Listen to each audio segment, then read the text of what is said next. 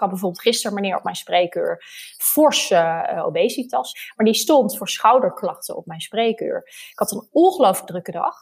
Maar hij kwam binnen en ik dacht, ja, ik, ik wil hier toch proberen iets mee, in ieder geval uh, bespreekbaar te maken. Nou, de schouder, dat, daar hadden we een plannetje voor bedacht. En toen um, aan deze meneer toch gevraagd van, ja, ik zie dat u overgewicht heeft. Vindt u het goed als ik u daar wat over vraag? Um, en toen zei hij ja. En toen hadden we eigenlijk best een heel mooi hm. gesprek. En uh, toen zei ik, zou u daar iets mee willen? Hij zei, nou eigenlijk helemaal niet meer, want ik heb al twintig jaar ben ik bezig. Nou, uiteindelijk ging hij toch uh, uit mijn spreekkamer weg. Ik liep daardoor dus wel weer uit. Uh, en toen belde hij dus middags naar de assistent op. En hij zei, ja, ik heb erover nagedacht, wil hij dat heel graag gaan doen. dus wil de dokter mij verwijzen. Kunnen we een zorginfarct voorkomen? Ik denk van wel. Dit is Slimme Zorg, een podcastserie van Ventura.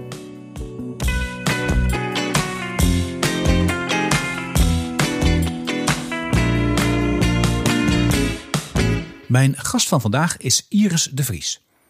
Iris is huisarts, leefstijlarts en voorzitter van de vereniging Arts en Leefstijl. Daarnaast is ze bestuurder bij de Bas van de Goor Foundation en lid van de landelijke coalitie Kansrijke Start. Als huisarts en leefstijlarts past de leefstijlgeneeskunde veelvuldig toe in de spreekkamer. En deze ervaringen gebruikt ze in gesprekken met politiek, zorgverzekeraars, gemeenten en andere belanghebbenden in de zorg om het grote belang van voeding en leefstijl op de agenda te zetten. Het is niet heel vaak dat ik het over leefstijl kan hebben en over preventie, terwijl het een, ja, een hot onderwerp is uh, in de wereld van, uh, van de zorg. En, um, maar uh, wie je ook bent en wat je ook doet, de eerste vraag is altijd dezelfde. Wat is volgens jou slimme zorg? Uh, nou, heel erg leuk om hier te zijn. Dank uh, voor de uitnodiging. En inderdaad, fantastisch om over leefstijl te praten. Dat doe ik natuurlijk liefst de hele dag. Ja, wat voor mij slimme zorg is, is eigenlijk wijze zorg. Um, en wat bedoel ik daarmee? Is dat uh, we denk ik slimme toepassingen hebben, nog veel meer kunnen ontwikkelen. Maar dat we vooral een stap moeten zetten om dat ook heel wijs toe te passen en te implementeren. En ik denk dat daar heel veel kansen liggen. Oké, en wat voor wijze manieren van zorg toepassen zie jij dan? Ja, ik denk dat het wijs toepassen voor mij betekent dat je redeneert vanuit echt het ecosysteem. Hè? Dus vanuit het maatschappelijke belang. Dat als je rechts iets doet, dat dat links effect heeft. Ook al staat dat misschien voor het eerste gezicht, op het eerste gezicht heel ver van je af. Mm en dat staat wel tegenover, denk ik, echt een egosysteem, hè, waarin we als of individuen of organisaties vooral naar onszelf kijken, heel intern gericht zijn uh, op opbrengsten of, of, of impact ook. Mm um, daarnaast gaat het denk ik veel meer over de lange termijn. Hè, dus durven denken op lange termijn, dat is denk ik heel wijs. En ja, dat maakt ook dat je soms moeilijke keuzes moet maken, die wel de beste zijn. Um, en dat dat ook uh, op het eerste gezicht misschien op de korte termijn niet altijd per se heel slim lijkt, maar uiteindelijk wel uh, de wijste en slimste keuze is op lange termijn. Uh, en het vraagt denk ik ook wel echt wijze leiders. Um, en wat ik daarmee bedoel is dat het volgens mij van leiderschap vraagt om ook echt te durven uh, denken en handelen vanuit dat ecosysteem. Uh, je organisatie of jouzelf daarin te plaatsen. Uh, natuurlijk met je verantwoordelijkheid die je, die je meedraagt in die functie. Maar ook echt vanuit, vanuit het ecosysteem. En vanuit heel compassievol leiderschap en heel dapper zijn en ook heel dienend. En ik denk dat dat ja, voor heel veel van ons misschien nog klinkt als soft skills. Uh, ik denk dat deze soft skills echt de hard skills van de toekomst zijn. Om echt een verschil te maken. Oké, okay. nou ben je huisarts. En een huisarts zit vaak in de spil van het ecosysteem van de zorg. Um, maar je dagelijkse werk als huisarts is vaak toch echt korte termijn. Er komen, er komen, patiënten en die patiënt die heeft iets. En die zegt, dokter, kun je er wat aan doen? Nou, vaak wel. En dan zeg je, nou, dan doen we zus of zo. Schrijft uh, misschien een pilletje voor, verwijst door. En dat is het dan weer. Hoe, ziet, hoe, passen, hoe passen we die lange termijn daar dan in, in, in, in dit verhaal? Ja, ik denk dat er heel veel in de eerste lijn zorg bij de huisarts ligt die heel goed passen bij dat lange termijn. Alleen inderdaad, je hebt helemaal gelijk, denk ik, hoe we het nu ingericht hebben, zien we en pakken we die kansen nog veel te weinig en zien we dat ook niet terug. Het is hele reactieve zorg. Iemand komt inderdaad met een hulpvraag die hij zelf heeft bedacht.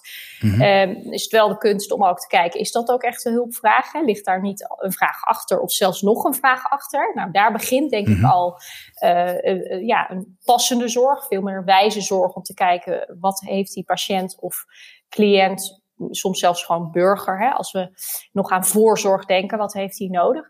En um, we in de huisartsenzorg daar wel aan de ene kant veel aandacht voor hebben. We, we hebben natuurlijk hele gezinnen in beeld. Als de moeder komt, komt het kind vaak ook mee en zien we daar al heel veel dingen. Maar we hebben, zijn nog niet zo gefaciliteerd dat we daar ook werkelijk iets mee kunnen. Dus inderdaad moeten we hele korte termijn oplossingen bedenken. En als we dan, en dat zullen heel veel van mijn collega's herkennen, dan toch helemaal overlopen omdat je twee infarcten hebt eh, op een dag en ook nog een psychiatrische patiënt die onderuit gaat, nou, dan verwijs je maar even. Want hè, dan, ja. ja. je hebt eigenlijk dan niet de ruimte om daar iets anders mee te doen. Nou, ik denk dat, daar, eh, dat dat echt anders kan. Oké. Oké, dus je zou, je, je ontkomt niet aan de korte termijn dingen, want daarvoor ben je ook uh, op aarde voor een deel als huisarts. Maar je ziet heel veel dingen, ook in, in de context van die patiënt en van, van alle patiënten en in hun gezinnen en noem maar op. En daar zou je meer ruimte voor willen hebben om daar dingen te doen. Zie je, wat zouden we eigenlijk moeten doen met elkaar om daar meer ruimte voor te creëren? En, en ook echt, ja, in plaats van alleen een zorg, ook een voorzorg te kunnen gaan, uh, gaan leveren. Nou, ik denk wat essentieel is en wat in je andere prachtige podcasts ook naar voren kwam, denk ik, is dat we gezondheid centraal moeten stellen en niet ziekte. En dat vraagt mhm. denk ik een veel proactievere benadering van onze populatie. Dus wij mhm. hebben als huisartsen of als uh, huisartsengroep, uh, gezondheidscentrum, natuurlijk een bepaalde populatie uh, in beeld, hè, die bij ons aangesloten is of ingeschreven. Mhm. En um, nu wachten we eigenlijk tot ze ziek worden of tot ze bij ons komen met een vraag. Nou, en ik denk als je een heel groot gedeelte van je werk gaat besteden aan het proactief benaderen van deze populatie, dat je dus ook uh, veel eerder uh, problemen kan signaleren, die bespreekbaar kan maken en ook de juiste zorg op de juiste plek, en passende zorg. Mhm. Zelfs misschien helemaal geen zorg, hè, want dan zitten we nog helemaal niet in de zorg. Uh, kan regelen en ook vooral met het sociale domein. Dus um, echt in die voorzorg al heel veel kan betekenen voor mensen. Ik denk dat mensen zich ook veel meer geholpen voelen. Ook de echte vragen ook uh, worden, um, daarmee wordt geholpen. En dat mhm. er dan minder ziekte ook ontstaat. Ja. Ja, dat zou wel heel mooi zijn. Hè? Niemand wil graag ziek worden. Dus het idee dat mensen graag bij de dokter komen, dat klopt niet. Daar ga je liever niet naartoe. Nee, ik kan me voorstellen dat je een hele vriendelijke huisarts bent, maar toch dat mensen liever niet komen, want dan zijn nee, ik hoor heel vaak dan zeggen ze, ik zeg tot ziens, en dan zeggen ze, nou liever niet. ja, zo ja. Van, nou, ik vind u wel aardig, maar eh, liever kom ik niet. Dus dat herken ik wel, ja. En ik denk dat dat ook klopt, dat heb ik zelf natuurlijk ook, ja. Ja, ja, en inderdaad als huisarts heb je echt inderdaad een, een, een, ja, een vaste groep patiënten tot je, in je, eh, tot, je, ja, tot je beschikking. Dat klinkt ook vreemd, maar waar je, waar je over ont, ontfermt eigenlijk. Hè. Dat zijn de patiënten die zijn ingeschreven in jouw praktijk. En als je, en als je groepspraktijk hebt, kan het best een grote groep zijn. En ook best een, eh, een, eh, een, een behoorlijke regio die je, die je overziet. Um, maar wat kun je nou als huisarts dat dan ook gaan doen? Dat je zegt, nou ik ga, kom meer aan de voorkant. Ik ga uh, aan de slag met zaken als bijvoorbeeld preventie. Dan ben je, dan ben je de ziekte voor. Hoe doe je dat?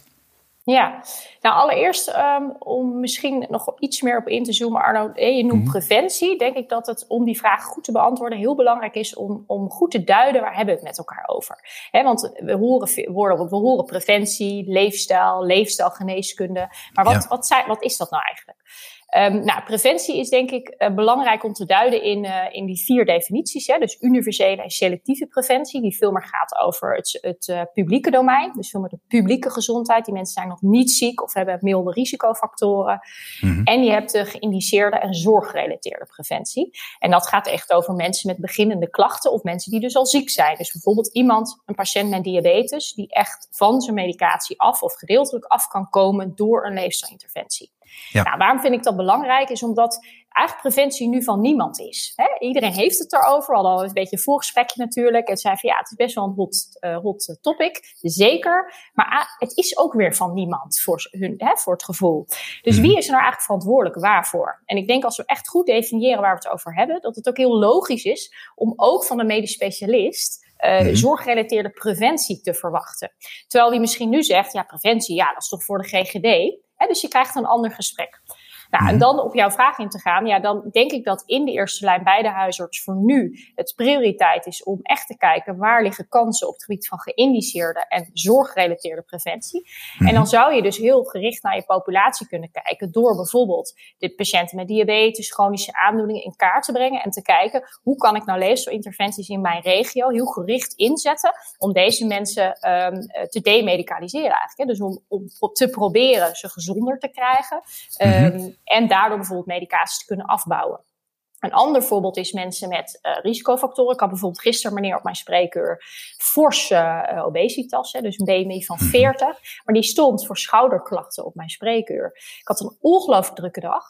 Maar hij kwam binnen en ik dacht, ja, ik, ik wil hier toch proberen iets mee, uh, in ieder geval uh, bespreekbaar te maken. Nou, de schouder, dat, daar hadden we een plannetje voor bedacht.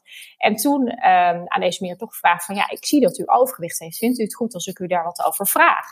Um, en toen zei hij ja. En toen hadden we eigenlijk best een heel mooi hm. gesprek. En uh, toen zei ik, zou u daar iets mee willen? Hij zei, nou eigenlijk helemaal niet meer. Want ik heb al twintig jaar ben ik bezig. En nou ja, dat hoor ik heel vaker. Van, nou, ik ben eigenlijk best wel gedemotiveerd, want niks helpt. Mm-hmm. Nou, dus toch voorzichtig wat opties besproken. Bijvoorbeeld een gecombineerde leefstijlinterventie. Ik vond eigenlijk ook wel dat, dat, dat ja, in dit geval bij deze meneer met alle risicofactoren je het ook wel echt mag hebben over bariatrische chirurgie bijvoorbeeld hè, als optie. Dat wilde hij mm-hmm. per se niet. Nou, uiteindelijk ging hij toch uh, uit mijn spreekkamer weg. Ik liep daardoor dus wel weer uit. Maar goed, um, tien minuten of zo, het viel mee. Maar, uh, en toen belde hij dus middags naar de assistent op. En hij zei, ja, ik heb erover nagedacht en met mijn vrouw over gehad. En ik wil dat heel graag gaan doen. Dus wil de dokter mij verwijzen. Ja, dat zijn dan toch wel echt wel dingen die je dus in korte tijd kan doen heb je wel de juiste, denk ik, tools en skills voor nodig. Hè? Dus dat we proberen wij als Vereniging Artsen Leefstijl ook te bieden. Bijvoorbeeld leefstijlroer ontwikkeld, wat een gesprekstoel is om dit ook um, ja, laagdrempelig en in korte tijd kunnen bespreken. En ook handleidingen bijvoorbeeld over, nou, als deze meneer nou echt start met die leefstijlinterventie, hoe bouw je dan die medicatie af? Dat heb je nodig in de praktijk. Maar dan kun je dus wel dit um, aanpakken binnen uh, de mogelijkheden die er nu al zijn. Uh, ja, en loop je dan misschien dus wel tien minuten uit. Maar ja, dat, uh, dat heb ik er dan wel, wel voor over. Ja. Nou, en de eerste, eerste verbetering die we al kunnen bedenken is dat het zou helpen als je als huisarts wat meer tijd krijgt per consult. Dat helpt. Zeker, ja. ja. ik heb in mijn praktijk kwartier per patiënt. Ik zie dat ook in oh. onze regio, maar ik denk dat dat wel landelijk is wel steeds meer uh, gebeuren hoor. Dat we minimaal mhm. een kwartier doen. Ik ken ook zelfs wel praktijken 20 minuten. Ja, en dat is ook wel mijn, uh, mijn uh, boodschap naar de NZA, waar, waar ik af en toe wat, wat mag meedenken. En dat, ja, dat we die eerste lijn daarin wel heel veel meer moeten faciliteren. Dus er zijn denk ik twee dingen. We kunnen met wat we nu hebben echt al wel kleine stappen zetten. Met een mhm. groot effect. Stel dat deze manier het wel echt lukt om fors uh, gewicht te verliezen door die gecombineerde leefstijlinterventie. Nou, dan is je, is je impact best wel uh, groot. Uh, tegelijkertijd is er wel veel meer nodig Um, om dit ook te verankeren en duurzaam te verankeren voor in de toekomst. En daarvoor zal de eerste lijn, maar dus ook de huisarts, uh, echt wel meer handvaten moeten krijgen. Eén daarvan is echt meer tijd voor de patiënt. Ja. Uh, ja, en dat heeft ook een financiële consequentie. Ja, ja nee, precies. Want die tijd kost gewoon geld. Zo simpel is het. Zeker. Ja, en we hebben natuurlijk wel ook een, een ander probleem ernaast. Wat natuurlijk ook in je andere podcast wel naar voren kwam. Is dat we natuurlijk wel ook echt wel een personeelstekort hebben. Niet alleen verpleegkundigen, maar ook huisartsen zijn natuurlijk in bepaalde regio's ontzettend moeilijk te vinden. Al helemaal als het over praktijkovernames gaat. Dus daar liggen echt wel wat uitdagingen. Ik denk wel dat dat dat um, niet betekent dat we het dan dus daar niet over moeten hebben. Hè? Dus dat we wel eerst moeten benoemen van hoe zien we dit voor ons? Wat, wat, wat zouden we, als we mogen dromen, over vijf tot tien jaar echt voor ons zien? En dan mhm. met, met stapjes achteruit te bewegen van ja, hoe komen we daar dan? Nou, dan gaan we ook deze problemen tegenkomen. Uh, en daar zullen we dan echt met elkaar goed naar moeten kijken. Maar volgens mij moeten we ook durven wel dat perspectief uh, in de toekomst te schetsen. Ja, ja en dat perspectief uh, zou ook moeten zijn dat als je dit slim doet, dus als je tijdig interveneert bij een patiënt en escalatie van ziekte voorkomt. Uh, en misschien wel de ziekte echt ook echt deescaleert, zoals jij zegt. Hè? Mensen van medicatie afbrengt naar een gezonde leefstijl. Dat je daardoor wellicht met minder consultant in totaal toe kunt. Ja, dat of is dat, wel. Ik is dat een droom? Nee, ja, ik denk dat dat heel reëel is. Ik denk dat er twee transities naast elkaar bestaan. Hè. Dus aan de ene kant hebben we te maken met chronische aandoeningen, uh, uh, patiënten met chronische aandoeningen van nu. Er is een mm -hmm. ongelooflijk groot aantal mensen in Nederland die dat heeft. Um, daar moeten we iets mee. En daar kunnen leefstijlinterventies ook echt als behandelingen, als een curatieve zorg, kunnen ze daar ingezet worden om de ziektelast te verminderen. En dat is denk ik heel belangrijk om complicaties te voorkomen, minder medicatie te gebruiken, maar ook het welzijn van deze mensen gewoon te verbeteren. Want mensen voelen zich ook beter, zijn gelukkiger als we dit doen. Ja. Daarnaast loopt denk ik de transitie om te zorgen dat de instroom in de zorg afneemt. En dat doen we natuurlijk veel meer door aan de voorkant helemaal hè, in die selectieve uh, en universele preventie um, te investeren. Nou, dan heb je het bijvoorbeeld over de duizend dagen, de eerste duizend dagen van het leven, waar we al heel veel beter leren hoe ontzettend belangrijk dat is voor de lange termijn gezondheid hè, van iemand van 60. Hè. Dat begint eigenlijk al drie maanden voor conceptie en voor de bevruchting van de eicel. Dat is natuurlijk mhm. fascinerend, maar ook echt aangetoond. En um, ja, is ook, uh, denk ik, een kans voor een huisarts om ook die thema's wel een plek te geven. Zodat we ook in die tweede transitie gewoon gaan zorgen dat die instroom afneemt. Ja. ja, want jij weet vaak wel van mensen dat ze zwanger willen worden. Ja, dan kun je het gesprek erover hebben. Kinderwens hebben, zeker. Of dat je toch door de jaren heen ziet. Uh, mijn oudere collega's, daar leer ik ook heel veel van. Hè. Die geven dat ook wel vaker terug. Hè. Ik ken iemand al 10, 15 jaar en ik zie dat gewoon ontstaan de afgelopen zes jaar. Nou ja, hoe mooi is het dan om in een heel vroeg stadium daar al iets mee te kunnen? En, ja, mhm. en dat zijn soms ook geen zorgvragen. Hè. Dat zijn soms echt welzijnsvragen die heel erg kunnen leiden tot ziekte. Maar als je die in het sociale domein, bijvoorbeeld financiële problemen of echtscheiding of um, nou ja, werkloosheid. Heel belangrijke oorzaak ook van ziekte uiteindelijk. Psychische ziekte, mentale ziekte. Um, als je dat in een vroeg stadium met de patiënt samen, want ook echt belangrijk vindt, we moeten echt ook vind ik, ophouden met over de patiënten te praten, maar echt met de patiënten. Want ze weten vaak zo ontzettend goed wat ze nodig hebben.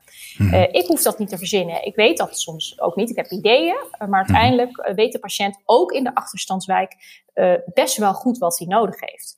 Maar ja, dat vraagt wel ruimte, vraagt aandacht en vraagt ook een gezonde zorgprofessional om dat te kunnen.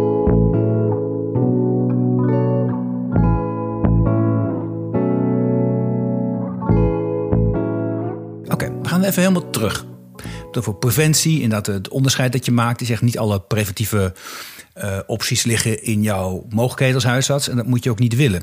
Sterker nog, het is ook vaak voor ja, beleidsmakers uh, een reden om te zeggen: ja, preventie, preventie. We krijgen er maar geen grip op. Hè. Het is inderdaad van niemand. Uh, dan wordt er gauw, en als ze dan wel, wel iets willen, wordt er gewezen. Zeggen ze nou, verzekeraars moeten meer aan preventie doen.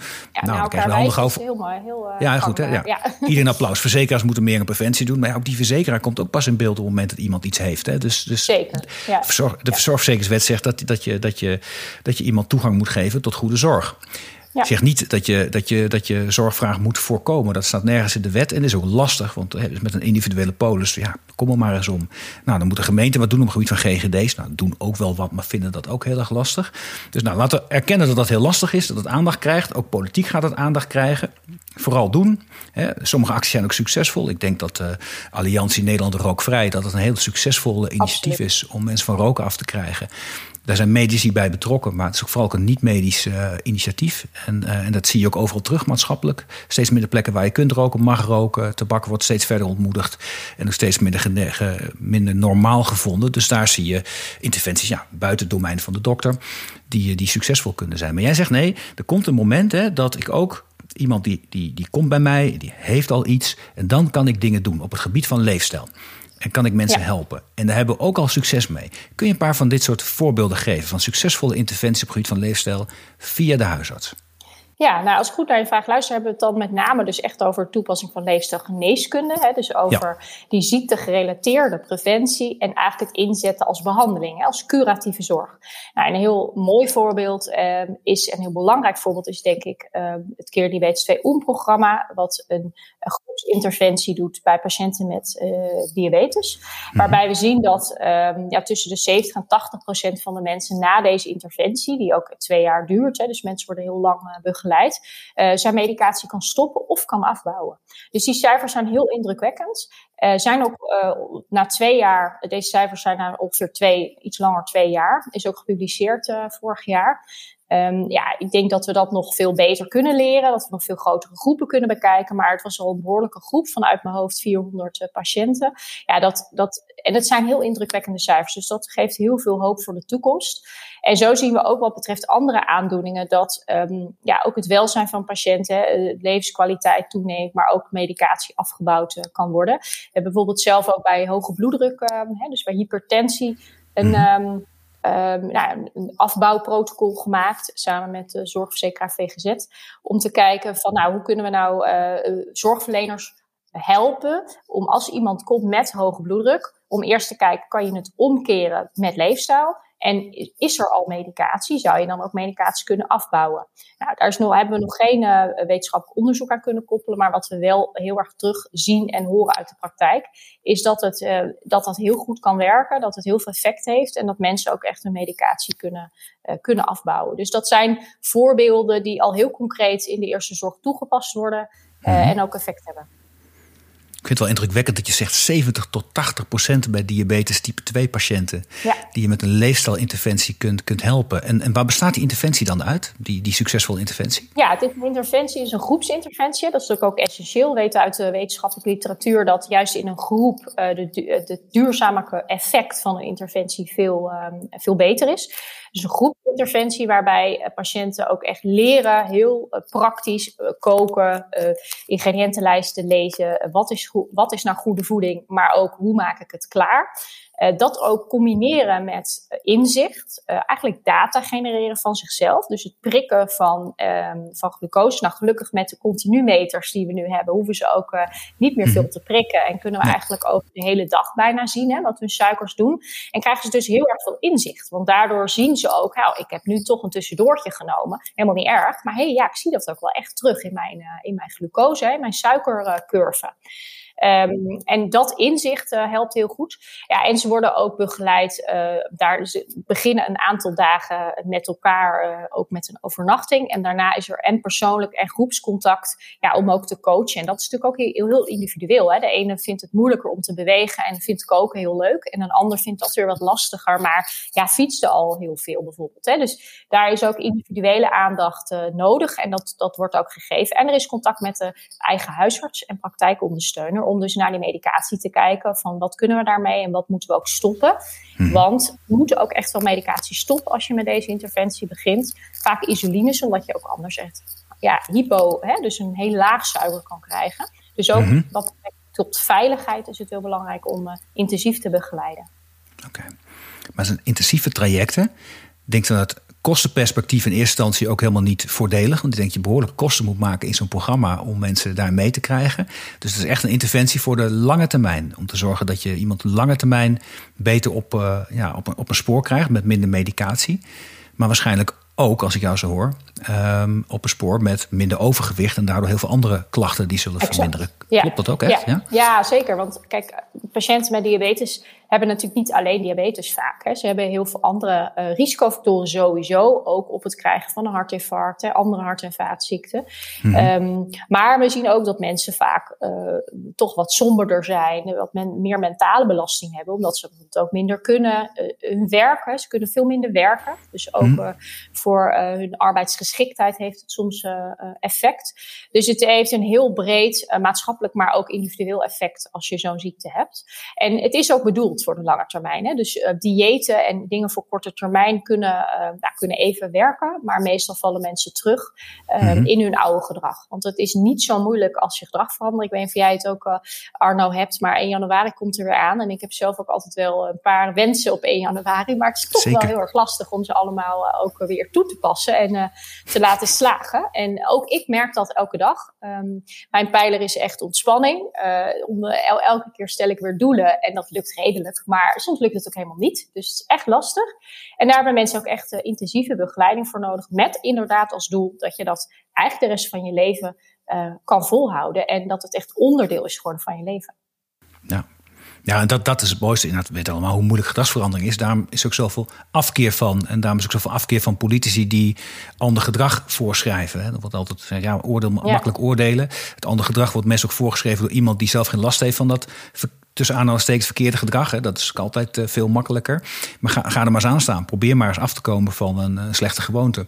Ja, dat is zeker. Dat buiten. Nou, en dat, dat, daar is ook wel maatschappelijk wel echt heel erg belangrijk in. En die toon proberen we ook heel erg te zoeken. Elisabeth van Rossum vind ik dat dat ook heel krachtig doet. Hè, is door niet met het vingertje te gaan wijzen. Hè. Dus door hmm. niet uh, te zeggen, nou, overgewicht is jouw schuld of zo. Nee, het is niemands schuld, maar het is wel onze verantwoordelijkheid. Uh, als we ook kijken naar de coronacrisis, uh, zien we gewoon dat mensen met chronische aandoeningen gewoon veel meer kans hebben op een ernstig beloop. En dat daardoor ook de IC-bezetting ook fors hoog is. Dus ja. We, ja. ik denk wel dat we het onder ogen moeten zien. En tegelijkertijd ons allemaal verantwoordelijk hiervoor moeten voelen. En dat probeer ik met patiënten ook altijd te doen. En echt te benadrukken van nou, ik wil heel graag helpen. Um, en niet vanuit een top-down situatie of relatie daar iets uh, aan te doen omdat uh, ja, het en niet werkt, maar ik er ook niet in geloof. Toen ik politicus was, al gesprekken gevoerd met, met, met, uh, met Albert Heijn. Die zei dat ze experimenten hadden gedaan door de winkel totaal anders in te richten. Ja, ja klopt. Ja. En snackkassa's weg, gezondere producten vooraan leggen. En dat het voor een omzet helemaal niet verkeerd was. En dat het nee. daadwerkelijk leidt tot een ander inkooppatroon. Dat vond ik super interessant. Ja. Ik denk, hé, hey, daar zit wat in. Maar ik heb de verandering. Ik vond alleen de Lidl heeft uh, zijn kassa's aangepast. Er liggen, er liggen ook andere dingen erbij. En, en andere winkels toch nog steeds niet. Dus het is toch hardnekkig. Nee. Ja, zeker hardnekkig. En ik denk, ik ben het niet helemaal met je eens dat, dat we niet zo goed weten wat we moeten doen. Hè? Want volgens mij zijn er ongelooflijk veel ideeën over. En ook door grote experts die daar ideeën over uh, ventileren. Mm. Um, een van de echt wel bewezen interventies is de suikertaxen. We hebben gewoon in Engeland gezien dat dat gewoon echt effect heeft. Maar ik denk dat daar, ja, toch misschien weer een beetje terug naar het begin, ook wijs leiderschap wordt gevraagd. En heel dapper leiderschap. Hè? We hebben mm-hmm. natuurlijk ook een hele. Uh, er zijn veel belangen. Uh, er zijn veel. Uh, uh, mensen, maar ook organisaties met belangen.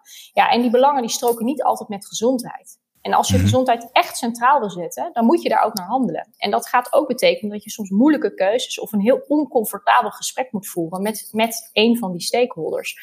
Um, is niet makkelijk, uh, zeker niet, maar het is wel heel erg nodig. Dus het is wel mijn oproep en ik hoop echt voor de toekomst uh, dat er uh, ja, jonge, dappere leiders zijn die dat ook echt durven en ook gaan doen.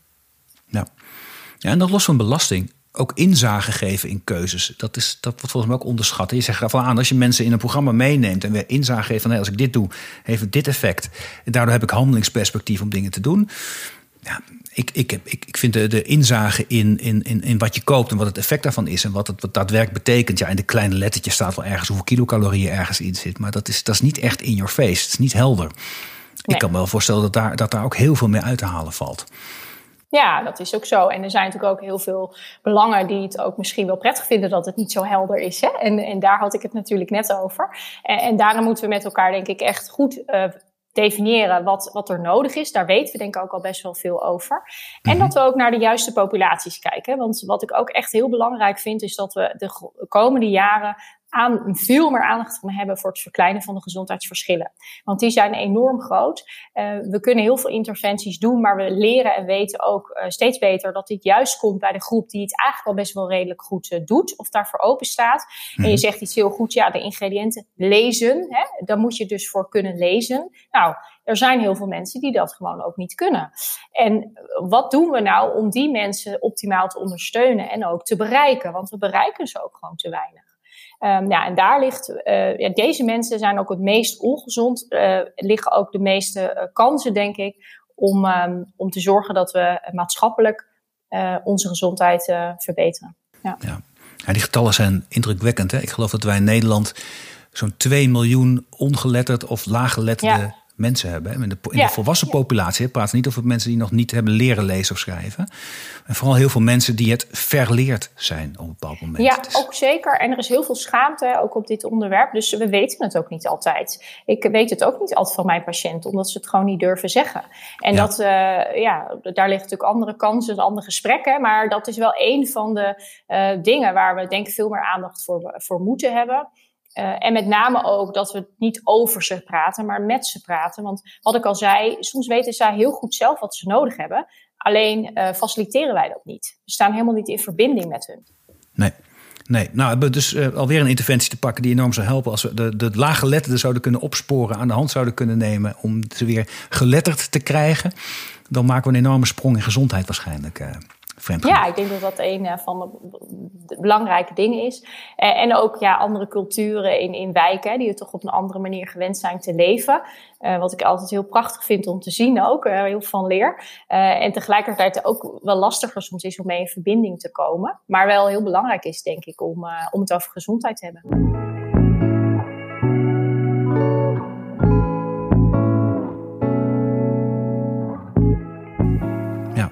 Maar als je dan naar zo'n leefstijlprogramma gaat, uh, kijkt, bijvoorbeeld keer diabetes om, dat doe, dat doe je dus in een groep.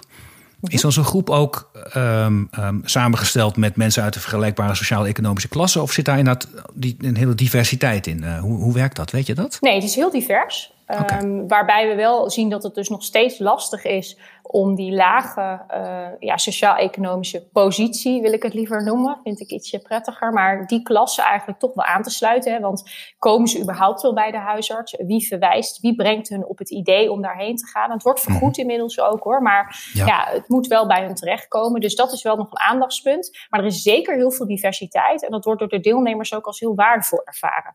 Omdat je op die manier elkaar ook echt uh, wat te bieden hebt. Hè? Dus elkaar ook echt kan helpen. Ja, oké. dus daar, daar heb je al een, een, redelijke diversiteit. Maar zelfs daar zie je nog dat het lastig is om de, de, de, de, belangrijkste groepen te, te, te, te bereiken. Ja. Ja, ja ik, vind, uh, ik vind zelf uh, uh, professor Jochem Miro daar een heel interessant onderzoek doen. Die echt probeert in, in, in groepen die als nou ja, gebieden met achterstand wordt gezien om te kijken van hoe kun je daar nou verbeteringen aanbrengen. En wat ik fascinerend vind in zijn gedachtegoed, dat hij zegt, nou ja, we hebben ook al de neiging om te kijken naar de mensen die het waar het niet goed mee gaat. Dus de mensen die wel roken, mm die al overgewicht hebben, et cetera. Zeker dat zijn de mensen die je wil helpen. Maar als je wil bereiken, dan moet je in diezelfde context kijken met wie het wel goed gaat. Dat zijn de mensen die de taal spreken, die snappen welke interventies werken, welke zaken het verschil maken. En dat, dat vergeten volgens mij nog wel eens. Om, om juist Absoluut. Ja, ja. daarna op zoek ja, gaan. Hadden, vorig jaar week hadden we ons congres, uh, Arts Week. Een mm prachtige week. En een van de lezingen ging ook over alcoholgebruik. En ook daar, ik wist het ergens wel in mijn achterhoofd, maar ik werd ook weer even op de feit gedrukt. Dat sluit hier denk ik mooi op aan. Is dat het grootste deel van de mensen in een, in een beginnende verslaving van alcohol er gewoon van afkomt. Die drinkt gewoon nooit meer daarna. Hm. Of heel, heel sporadisch. Um, en dat zijn gewoon de cijfers. Maar inderdaad, we, we, ja, de, de echt verslaafde, alcoholverslaafde, dat is natuurlijk, zijn de mensen die we blijven zien en waarbij het niet lukt en die allerlei problemen hebben. Ja. ja. en ik denk dat dat heel waardevol is om echt te leren van de mensen die het wel gelukt is. Ook met stoppen met roken trouwens. Mm -hmm. ja, van inderdaad, wat hebben zij nodig? Um, en, uh, en daar ook aandacht en verbinding mee te maken. Ja. Om aandacht voor te hebben. Ja. ja denk ik ook. Denk ik ook. Ja, maar ja, wat dat wel vraagt, Arno, denk ik, is, dat vind ik nog wel een belangrijk punt, is ook hoe um, sta jij zelf, we hebben het nu over de zorg, hè, dus als zorgverlener, maar ja, eigenlijk als, als hulpverlener in het algemeen. Hoe gaat het eigenlijk met jou? Hè? Dus hoe, hmm. Um, hoe, hoe zit jij erbij? want ook dat is wat we steeds meer terug horen. Heel veel burn-out, helemaal nu in corona, laat ons dat nog meer zien. En hoe overbelasten we denk ik al waren de afgelopen jaren. Ja, en dat het nu alleen maar nog slechter is geworden. En dat, dat vind ik echt ook wel uh, naar mezelf toe, maar ook naar mijn collega's heel belangrijk van hoe gaat het met jou? Want uh, hoe tegenstrijdig het ook klinkt, vind ik het in het vliegtuig altijd ook weer um, een beetje tegenstrijdig voelen. Maar dan zeggen ze, hè, zet eerst je eigen zuurstofmasker op en dan dat van je kind. Maar ik denk toch echt dat het klopt. Hè. Wij kunnen niet goed voor mensen zorgen, de rust nemen om de juiste vragen te stellen, echt passende zorg te bieden, als het gewoon niet goed met ons gaat. En dat betekent niet dat het dus perfect hoeft te gaan. Hè. Ik deelde al iets over mijn uh, uitdagingen wat betreft ontspanning. Uh, dus dat hoeft niet. Maar ik denk dat we er ons wel toe moeten verhouden, bewuster van moeten zijn en ook organisaties een verantwoordelijkheid hebben om te kijken, hey, hoe hou ik mijn werknemers nou zo gezond mogelijk? En dus ook die zorgprofessional. Ja, zeker. En daar valt heel veel te winnen, want werkgevers kijken daar te weinig naar dat, eh, dat, als mensen uitvallen, dan, nou ja, dan moeten ze maar weer beter worden. Dat, dan wordt daar, daar soms nog wel aandacht voor. En als ze uh, tekorten zijn, dan proberen we nieuwe mensen te werven. Nou, dan kun je, als je dat allemaal doet, dat helpt het ook allemaal niet. Je nee, moet echt veel meer de mensen gaan koesteren die het werk doen. En ze, ze optimaal in, inzetbaar houden. En ja, het ja, welbevinden. En ook daar in een eerder stadium, hè, dus ook weer preventie. Hè, maar eh, dat er natuurlijk al heel veel signalen zijn in een vroeg stadium uh, dat het misschien wat minder lukt of dat ze wat vermoeider zijn.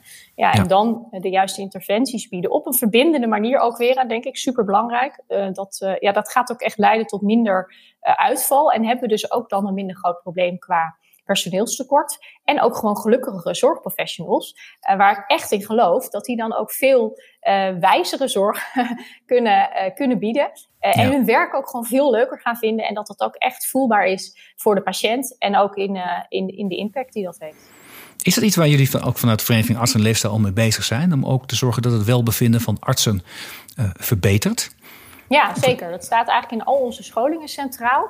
Om mhm. dat uh, te agenderen en daar ook in wat langer durende scholing ook aandacht voor te hebben. Ik heb uh, een paar maanden geleden heb ik een training gegeven aan medisch specialisten. Leefstijl bij oncologie. En er stonden ze ook allemaal op de yogamat uh, op dag twee.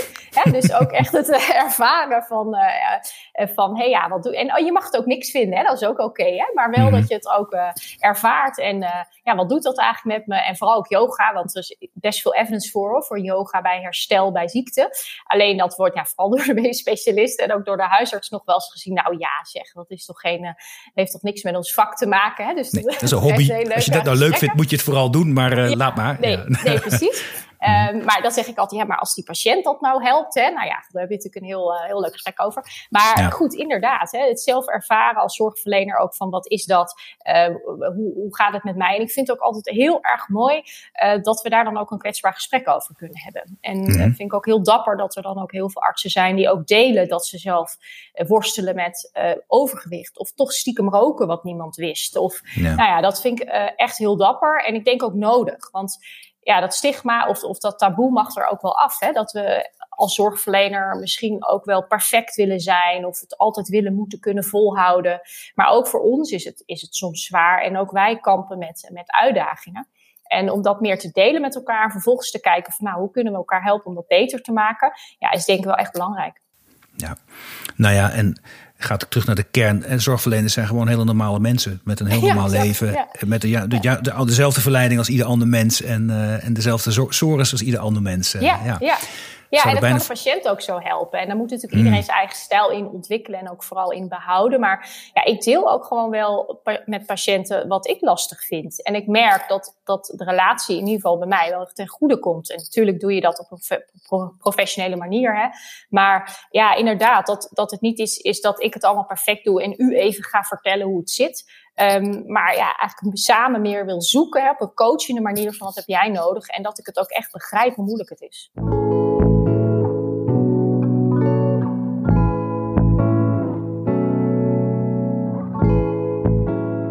Terug weer naar de vereniging Arts en Leefstijl. Je zijn enthousiast over leefstijlinterventies al een hele tijd en werk je ook hard aan.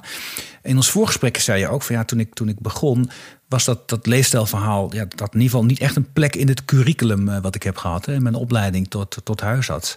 Uh, maar als die leefstijl zo belangrijk wordt in, in, in, in wat je kunt leveren en kunt bieden als huisarts, kan ik me voorstellen dat dat juist wel zou moeten. Dat, we, dat, we, hè, dat die student die nu aan de universiteit zit en denkt ik wil huisarts worden, dat we dit ook aanreiken. Gebeurt dat al?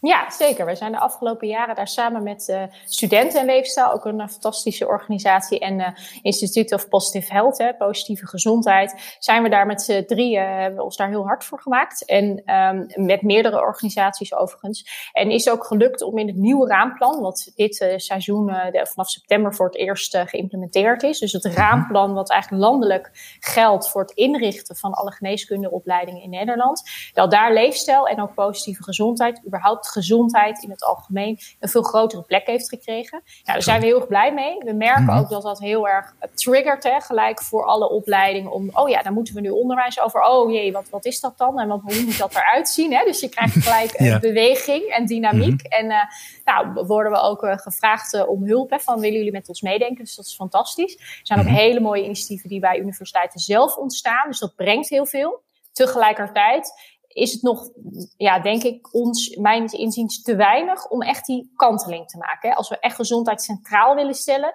dan kan het nog steeds niet zo zijn dat 80% van de opleiding over ziekte gaat. Um, en dat het ook niet iets er, erbij is. Het is niet een soort hobbytje, oh ja, leuk voor in de kantlijn. Nee, het is echt een essentieel onderdeel, integraal in de zorg die we bieden. Op alle, in alle lijnen, hè, zoals we dat nu definiëren. En ook in alle fases van ziekte.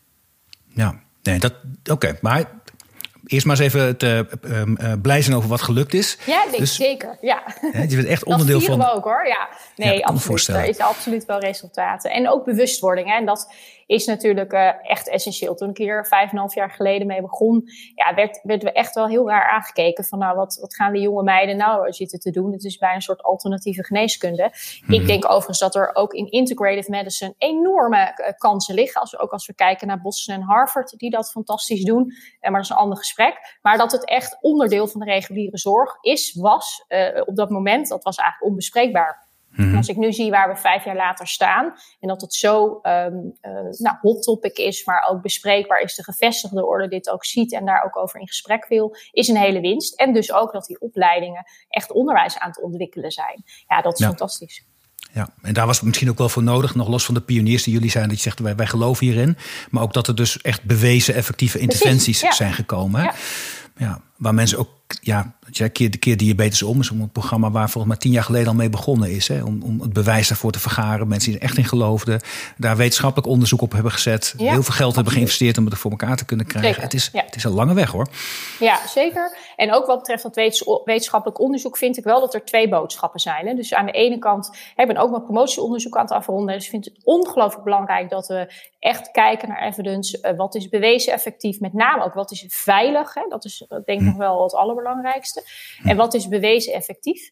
Tegelijkertijd moeten we ook reëel zijn en eerlijk zijn dat ik vind dat het, het bewijskrachtsargument wel heel erg vaak wordt gebruikt als we het over leefstijlgeneeskunde hebben. Uh, in verhouding tot heel veel andere dingen die we in de zorg doen. En uh, laat me heel duidelijk zijn dat ik daarbij niet zeg dat evidence niet belangrijk is. Dat is ongelooflijk belangrijk. Maar tegelijkertijd mogen we het niet inzetten als argument om geen stappen te zetten. En dat mhm. zie ik nu wel vaak gebeuren. Als wij heel eerlijk zijn als dokter en helemaal als huisarts, dat zullen al mijn collega's herkennen, is dat wat wij de hele dag doen en adviseren, minstens voor de helft niet evidence-based is. En dat is niet omdat wij dat niet verzinnen, maar dat is omdat het er gewoon niet is. Nee. Um, is er, komt er terwijl, wordt er onderzoek gedaan, fantastisch, hè, maar dat is wel de realiteit. Dus ik denk dat we ook uh, mogen uh, en zelfs misschien wel moeten uh, durven om te zeggen, ja, de problemen zijn zo groot. we willen zeker weten dat dingen veilig zijn. We willen absoluut natuurlijk goed nadenken over dingen die we doen. Maar er is mhm. ook iets anders nodig dan alle regels rondom wetenschappelijk onderzoek vergaren dan hoe we die nu kennen. En specifiek bedoel ik daar bijvoorbeeld mee dat een randomized control trial, hè, dus een RCT, gewoon niet altijd zo geschikt is om leefstijl echt te gaan bewijzen. Het effect daarvan. Er zijn soms andere dingen voor nodig. En learning by doing. Dus je kunt van tevoren heel goed nadenken over een interventie. Dat moet je ook absoluut doen. En soms moet je dan gewoon beginnen op kleine schaal en gewoon real-time gaan leren wat er nodig is om het effectief te laten zijn en ook uh, op de lange termijn te laten zijn.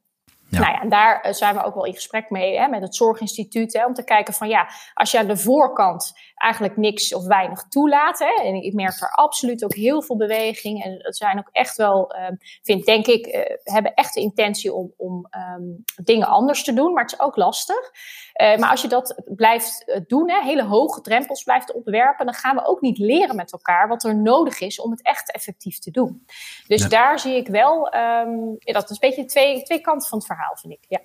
Nee, maar het is lastig. Hè? De zorgverzekeringswet zegt hè, dat, je, dat je zorg mag vergoeden die voldoet aan de standen der wetenschap en praktijk. Mm beiden. Dus het moet wetenschappelijk bewezen zijn en in de praktijk wordt het toegepast. Het is niet, ik doe het in de praktijk, dus is een vergoeding, is niet genoeg.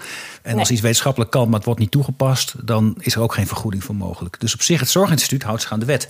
Die zegt, ja, als je iets gaat doen, anders, dan natuurlijk, je kunt tijdelijk, tijdelijk, tijdelijk kun je wel het toestemming krijgen voor een pilot om het uit te zoeken, maar je moet mhm. uiteindelijk komen tot bewijs dat iets, eh, dat iets werkt. En tegelijkertijd heb jij groot gelijk die stand wetenschap en praktijk, die uh, voldoet voor heel veel medische interventies niet. Dat is, een, dat is een soort algehele maatschappelijke worstelingen. Daar worden nu allerhande programma's op gezet om dan alsnog aan te tonen of iets wel of niet uh, wetenschappelijk eh, fundament heeft, of het daadwerkelijk werkt. En als het niet werkt, kunnen we er afscheid van nemen. Ook verstandig, want als je hele dure interventies doet waar mensen geen baat van hebben, absoluut. stoppen mee. Nee, dat is echt absoluut zo. Ja. Ja, maar we zijn inderdaad voor nieuwe dingen veel strenger dan voor bestaande dingen. Um, en um, ja, misschien een beetje voor een deel naar practice-based. Dat je zegt, nou, we gaan het gewoon doen. Exact. We hebben een sterke aanwijzing dat dit werkt. En we uiteraard we volgen wel of de patiënt ook verbetert en of het veilig is. En doordat we het longitudinaal volgen, komen we tot een vorm van bewijs. Hè? Ja, dus dat je ook kan leren. Want je moet zeker geen dingen blijven doen die niet effectief zijn. Of dat je misschien wel leert dat het nog effectiever kan. En dat, mm -hmm. uh, dat moet je zeker uh, dan uh, doen. En daar hebben we ook andere manieren voor, voor, nodig om daar met elkaar kaders voor te ontwikkelen. En ook daarnaar te handelen. En practice-based vind ik inderdaad heel mooi. Context-based ook. Hè? Dus in welke context past de patiënt?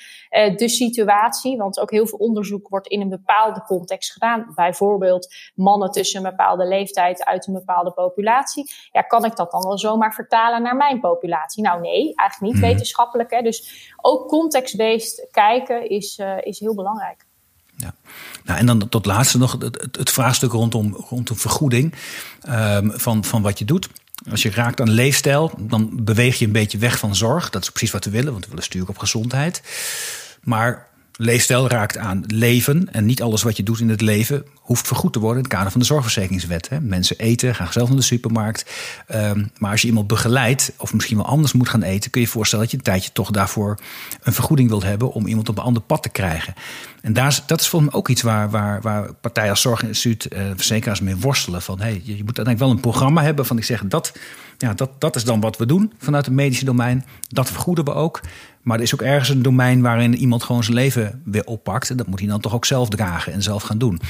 Of zijn daar niet te veel discussies meer over inmiddels? Ja, nee, zeker wel. En ik denk dat wat jij zegt wel heel omarmd wordt, hè, dat, dat dat zo is. Maar dat mhm. vervolgens er dan dus nog wel veel naar elkaar gekeken wordt. Hè? Dus van ja, maar dit is niet iets voor de zorg. Of ja, maar dit uh, kan de gemeente niet doen. Ja, en daar denk ik dat we echt de komende jaren echt stappen met elkaar moeten zetten. Het durf wel zo streng een beetje te zeggen. Hè? Want ik denk dat het echt urgent is om daar gewoon mee te stoppen. Om echt mhm. wel te zeggen van oké, nou wat kan ik nou oppakken? Oké, ik kan inderdaad binnen mijn domein bepaalde dingen wel en bepaalde dingen niet. Maar ik mhm. durf ook te zeggen wat ik wel kan. En dat ga ik ook doen. En als je mhm. dat dan in afstemming kan doen, bijvoorbeeld met de zorg. Hè, wij kunnen in de zorg ook heel goed benoemen wat wij wel kunnen doen in de zorg. En, en in gesprek met de NZA zeggen we ook, uh, we hebben een hele, een hele groep uh, waarbij we dat doen. Zeggen we ook van nou, wij noemen dat dan een beetje de lobbyagenda. Hè? Dus wat, wat kan er binnen de, dat systeem, in de doorontwikkeling van dat systeem uh, binnen mhm. die zorg nou beter? En wat vinden we wel essentieel omdat uh, dat dat aan de zijkanten ook gebeurt. Want anders gaat dit niet werken. Maar dat zetten we wel op een andere agenda. Want dat past dan niet uh, misschien binnen de mogelijkheden in de zorg. Nou, en ik denk als we dat en zo durven benoemen. En dan vervolgens ook met elkaar echt durven zeggen: Oké, nu ga jij dat doen en wij dit en jij dat. En we doen mhm. dat dan ook nog een beetje tegelijk en afgestemd onderweg. Nou, dan, dan gaan we echt wel uh, stappen zetten de komende jaren. Ja, dat is mooi. Dat vind ik een hoopvol perspectief. Ik moet ook weer denken aan diezelfde Jochem Miro. Die zegt, nou, daar, daar moest hij nog een laatste stap bij. Je, hij, zegt, hij zegt over zorg zijn allerhande normeringen. Hè? Je hebt zorgplicht hè, voor verzekeraars. Uh, Je hebt als arts heb je ook zorgplicht. Hè? Je mag iemand niet zomaar wegsturen als die hulpbehoevend bij jou eh, aanklopt. Uh, er zijn allerhande kwaliteitscriteria waar het, wat jij doet hè, als, als, als arts, waar het aan moet voldoen. Dat is geprotocoliseerd. Uh, daar wordt ook op toegezien door toezichthoudende instanties. We hebben een NZA, we hebben een IGJ. Um, noem maar op. Dus aan de kant van zorg is heel veel ja, nou ja, regelgeving, toezicht om te zorgen dat, het, dat mensen er naartoe kunnen en dat het ook van goede kwaliteit is. Maar op gezondheidsgebied, ja, dat is inderdaad van niemand. Hè. Er zijn weinig gezondheidsnormen. Er is niemand die zichzelf in. Dus als de zorgplicht niet wordt voldaan, nou dan, uh, dan, dan trekken zich wel instanties wel in beweging. Dan, dan, gebeurt er wat. ja nee, absoluut. Nee, daar heb ik wel heel veel uh, vertrouwen ook um, in. Of ik denk dat het heel effectief kan zijn als we ook een gezondheidsplicht invoeren. Hè, die natuurlijk ja, bij mensen klaar mensen met uh, andere zorgverzekeraars is, uh, is geagendeerd. Hè, van zou dat niet een, een mogelijkheid of een oplossing kunnen zijn? Ik denk van wel.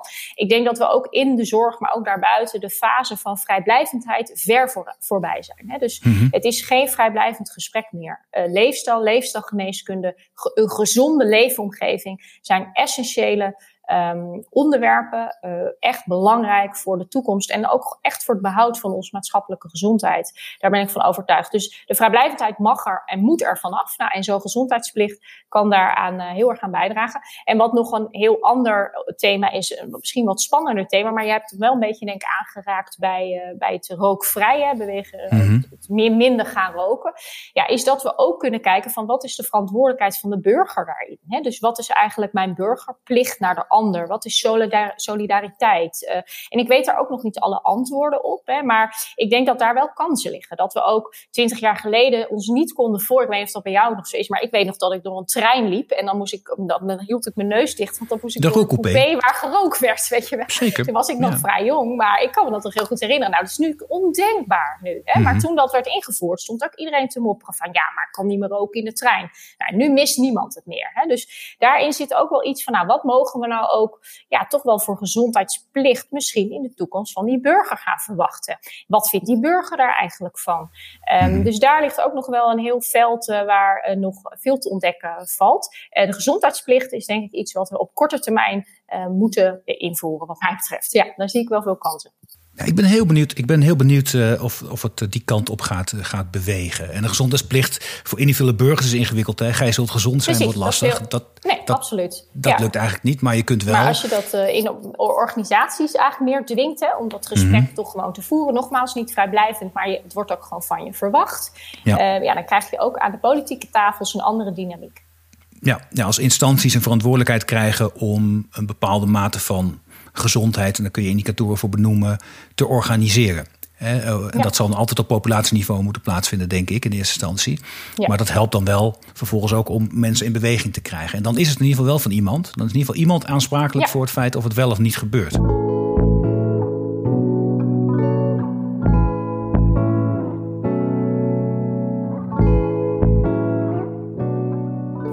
Ik vind, het ook, ik, is, ik vind het ook wel ingewikkeld om dat iets verder te brengen dan alleen maar gedachte-experimenten. Want het, het, het, het, idee kan ik me bij iets bij voorstellen. Maar hoe je dat dan in de praktijk invulling zou moeten geven, dat weet ik niet. Maar misschien moet je dat ook gewoon laten ontstaan. Die zegt, nou, die plicht is er nu. Laten we met elkaar gaan kijken wat, dan, wat er dan moet gaan gebeuren. En dan gaan we de. Ja. Ja, en dat is denk ik ook echt iets wat we echt van corona hebben geleerd. Hè? Dus dat hm. vind ik hoor. Dat in corona hebben we dat ook gedaan. Bij de start van de crisis moest er gelijk van alles. We wisten het niet, het was niet bewezen. We moesten gewoon gaan. En er zijn ongelooflijk veel dingen heel goed gegaan daardoor. En wat dat mij heeft geleerd, is dat we misschien wat meer mogen durven. Omdat ook rondom dit thema en rondom ja, grote thema's die we maatschappelijk hebben met elkaar ook gewoon te doen. En mhm. dan dus te leren terwijl we bezig zijn uh, daarmee. Um, en daardoor wel sneller en ook um, beter tot resultaat komen. Ja. Ja, en dan zou, je, dan zou de stelling moeten zijn dat je, dat je maatschappelijk eigenlijk ook in een gezondheidscrisis uh, zit. Hè, want in ieder geval kun je dat met zorg alleen niet meer oplossen. Dus dan, uh, als, je dat, als je dat accepteert, dan kun je met elkaar op zoek naar oplossingen. Je zegt, nou, we moeten die gezondheid voorop stellen. En dat is een maatschappelijke plicht. En we moeten met elkaar kijken hoe we de gezondheid van iedereen een stap vooruit kunnen brengen. Dat is dan ja, de, de, opdracht en, die En wat in corona ook wel echt geholpen heeft, denk ik, is het vergaren van data vanaf het begin. En daar zie ik ook binnen de zorg een, nog een hele grote kans. Hè. Dus de digitalisering. Voor mij zijn dat eigenlijk drie mhm. dingen. Dus de infrastructuur enorm verbeteren, want we hebben het wel heel mooi over die samenwerking tussen die domeinen. Maar op het moment dat we met de huidige ICT-structuren blijven werken, wordt dat mhm. echt ongelooflijk lastig. Dus in die infrastructuur zal ook echt wat uh, stappen genomen moeten worden. Ten tweede dataverzameling. Hè. Dus gaan we echt meer real-time data verzamelen over hoe het met een populatie gaat. Want dan zie je ook gewoon, hé, hey, bewegen naar rechts of links. Misschien moet ik wel dit of dat. Je ziet ook wat een interventie voor effect heeft. Dus daar uh, maak je het heel inzichtelijk mee. En e-health. Ik denk dat er heel veel kansen liggen voor e-health. Ik vind ook dat we moeten blijven benoemen dat e-health een middel is tot een doel. Ik vind soms hmm. wel dat het gesprek heel erg gaat over, oh, e-health is de oplossing voor alles dat weet ik niet per se. Het kan een enorm goed middel zijn om een bepaald doel te bereiken. Maar laten we ook vooral dat doel wel uh, in uh, oogschouw houden. Maar die drie dingen, en dat voelt dan voor mij onder digitalisering, um, zijn ook belangrijk de komende jaren om, uh, om echt vorm te geven. En met mhm. elkaar vorm te geven.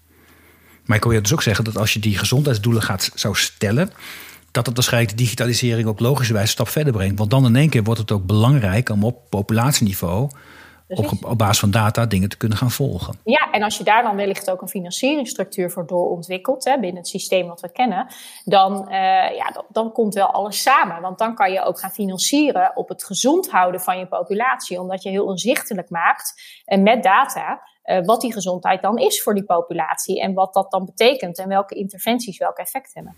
Ja, ja vind ik een hoopvol gedachte. Vind ik mooi. Nog één keer terug. We gaan bijna aan de afronding. Terug naar de, naar de, naar de leefstijlgeneeskunde zoals je die nu al in je praktijk uh, toepast. We hebben het gehad over diabetes, over overgewicht met de succesvolle interventies. Uh, bezig met hypertensie, om daar stappen te zetten. Wat staat zitten voor de komende, nou, zeg twee jaar, drie jaar in de pijplijn? Welke, welke leefstijlinterventies zou ik nog kunnen verwachten bij de, bij de huisarts? Ja, nou, ik denk dat dat we twee uh, wegen hebben om daar naar te kijken. Dat is één, heel leefstijl of heel uh, ziektegericht. ja, dat, dat willen we eigenlijk niet. Maar we hebben nu natuurlijk nog wel te maken met ziekte. Dus inderdaad een leefstijlprogramma voor een bepaalde ziekte. Zoals we natuurlijk nu bijvoorbeeld heel mooi doen met het Radboud. Uh, en gefund door de AVOS Foundation binnen het Beter Gezond project. Waarbij we echt kijken naar leefstijl oncologie. Nou, de diabetes en de andere chronische aandoeningen noemde je al even. Maar waar ik als arts en leefstijl de komende jaren echt veel meer aandacht voor me hebben. Dat is iets breder. En dat zijn een aantal belangrijke dingen. En dat is echt die gezondheid van die zorgverlener zelf, hè, van die zorgprofessional, die leefstijl eh, van die zorgverlener zelf. De tools en de vaardigheden om ook laagdrempelig met gewoon de faciliteiten die we nu hebben, het ook al te gaan toepassen in de praktijk. Mm echt bij te dragen aan belangrijke tafels, aan het doorontwikkeling van het financiële systeem, zodat we dit ook echt kunnen verankeren. Uh, en veel meer aandacht te hebben voor zingeving. En zingeving is zowel voor die zorgverlener weer heel belangrijk, maar mhm. mentale gezondheid en zingeving zijn ja, misschien dingen om nog wat minder goed vast te kunnen pakken. Hè? Maar ik denk voor de komende jaren essentieel om ook daar met elkaar echt goed naar te kijken. Omdat we ook steeds beter leren uit harde evidence hoe belangrijk het is dat mensen, maar ook zorgverleners, maar ook patiënten, een zingevend leven ervaren. En hoe belangrijk dat is voor gezondheid. En daar zou ik wel nog meer aandacht voor willen hebben. Hè? Dus ook wel grappig is, is dat als, ja, als ik een training geef, dan is voeding en beweging en slaap. Nou, dat, hè, dan zeggen de meeste specialisten, nou ja, daar kunnen we nog wel mee. Maar zodra ik dan begin over zingeving en ontspanning, dan is het toch wel, nou, dat is niet mijn pakje aan. Hè. Dus dan denk ik, oh, nou, daar zou ik de komende jaren nog wel wat uh, meer bewustwording rondom willen creëren en uh, onderdeel willen maken van, uh, van het thema gezondheid. Dat lijkt mij een mooie ambitie voor de komende jaren. Iris, mag ik je heel erg bedanken. Ja, jij ook bedankt, Arno. Dit was Slimme Zorg, de podcast waarin nagedacht wordt over oplossingen waarmee een zorginfarct voorkomen kan worden. Een podcastserie van Ventura. Abonneer je op deze show via iTunes of Spotify en voel je vrij om een review achter te laten. Ik vind het zelf enorm leuk om te lezen wat jullie van de podcast vinden. Je mag me ook mailen op podcast.ventura.com. Vond je de podcast leuk? Dan heb ik een opdracht voor je. Vertel over de podcast aan een van je vrienden of collega's. Mijn naam is Arno Rutte. Dit was Slimme Zorg. Je hoort mij over twee weken weer in een nieuwe aflevering.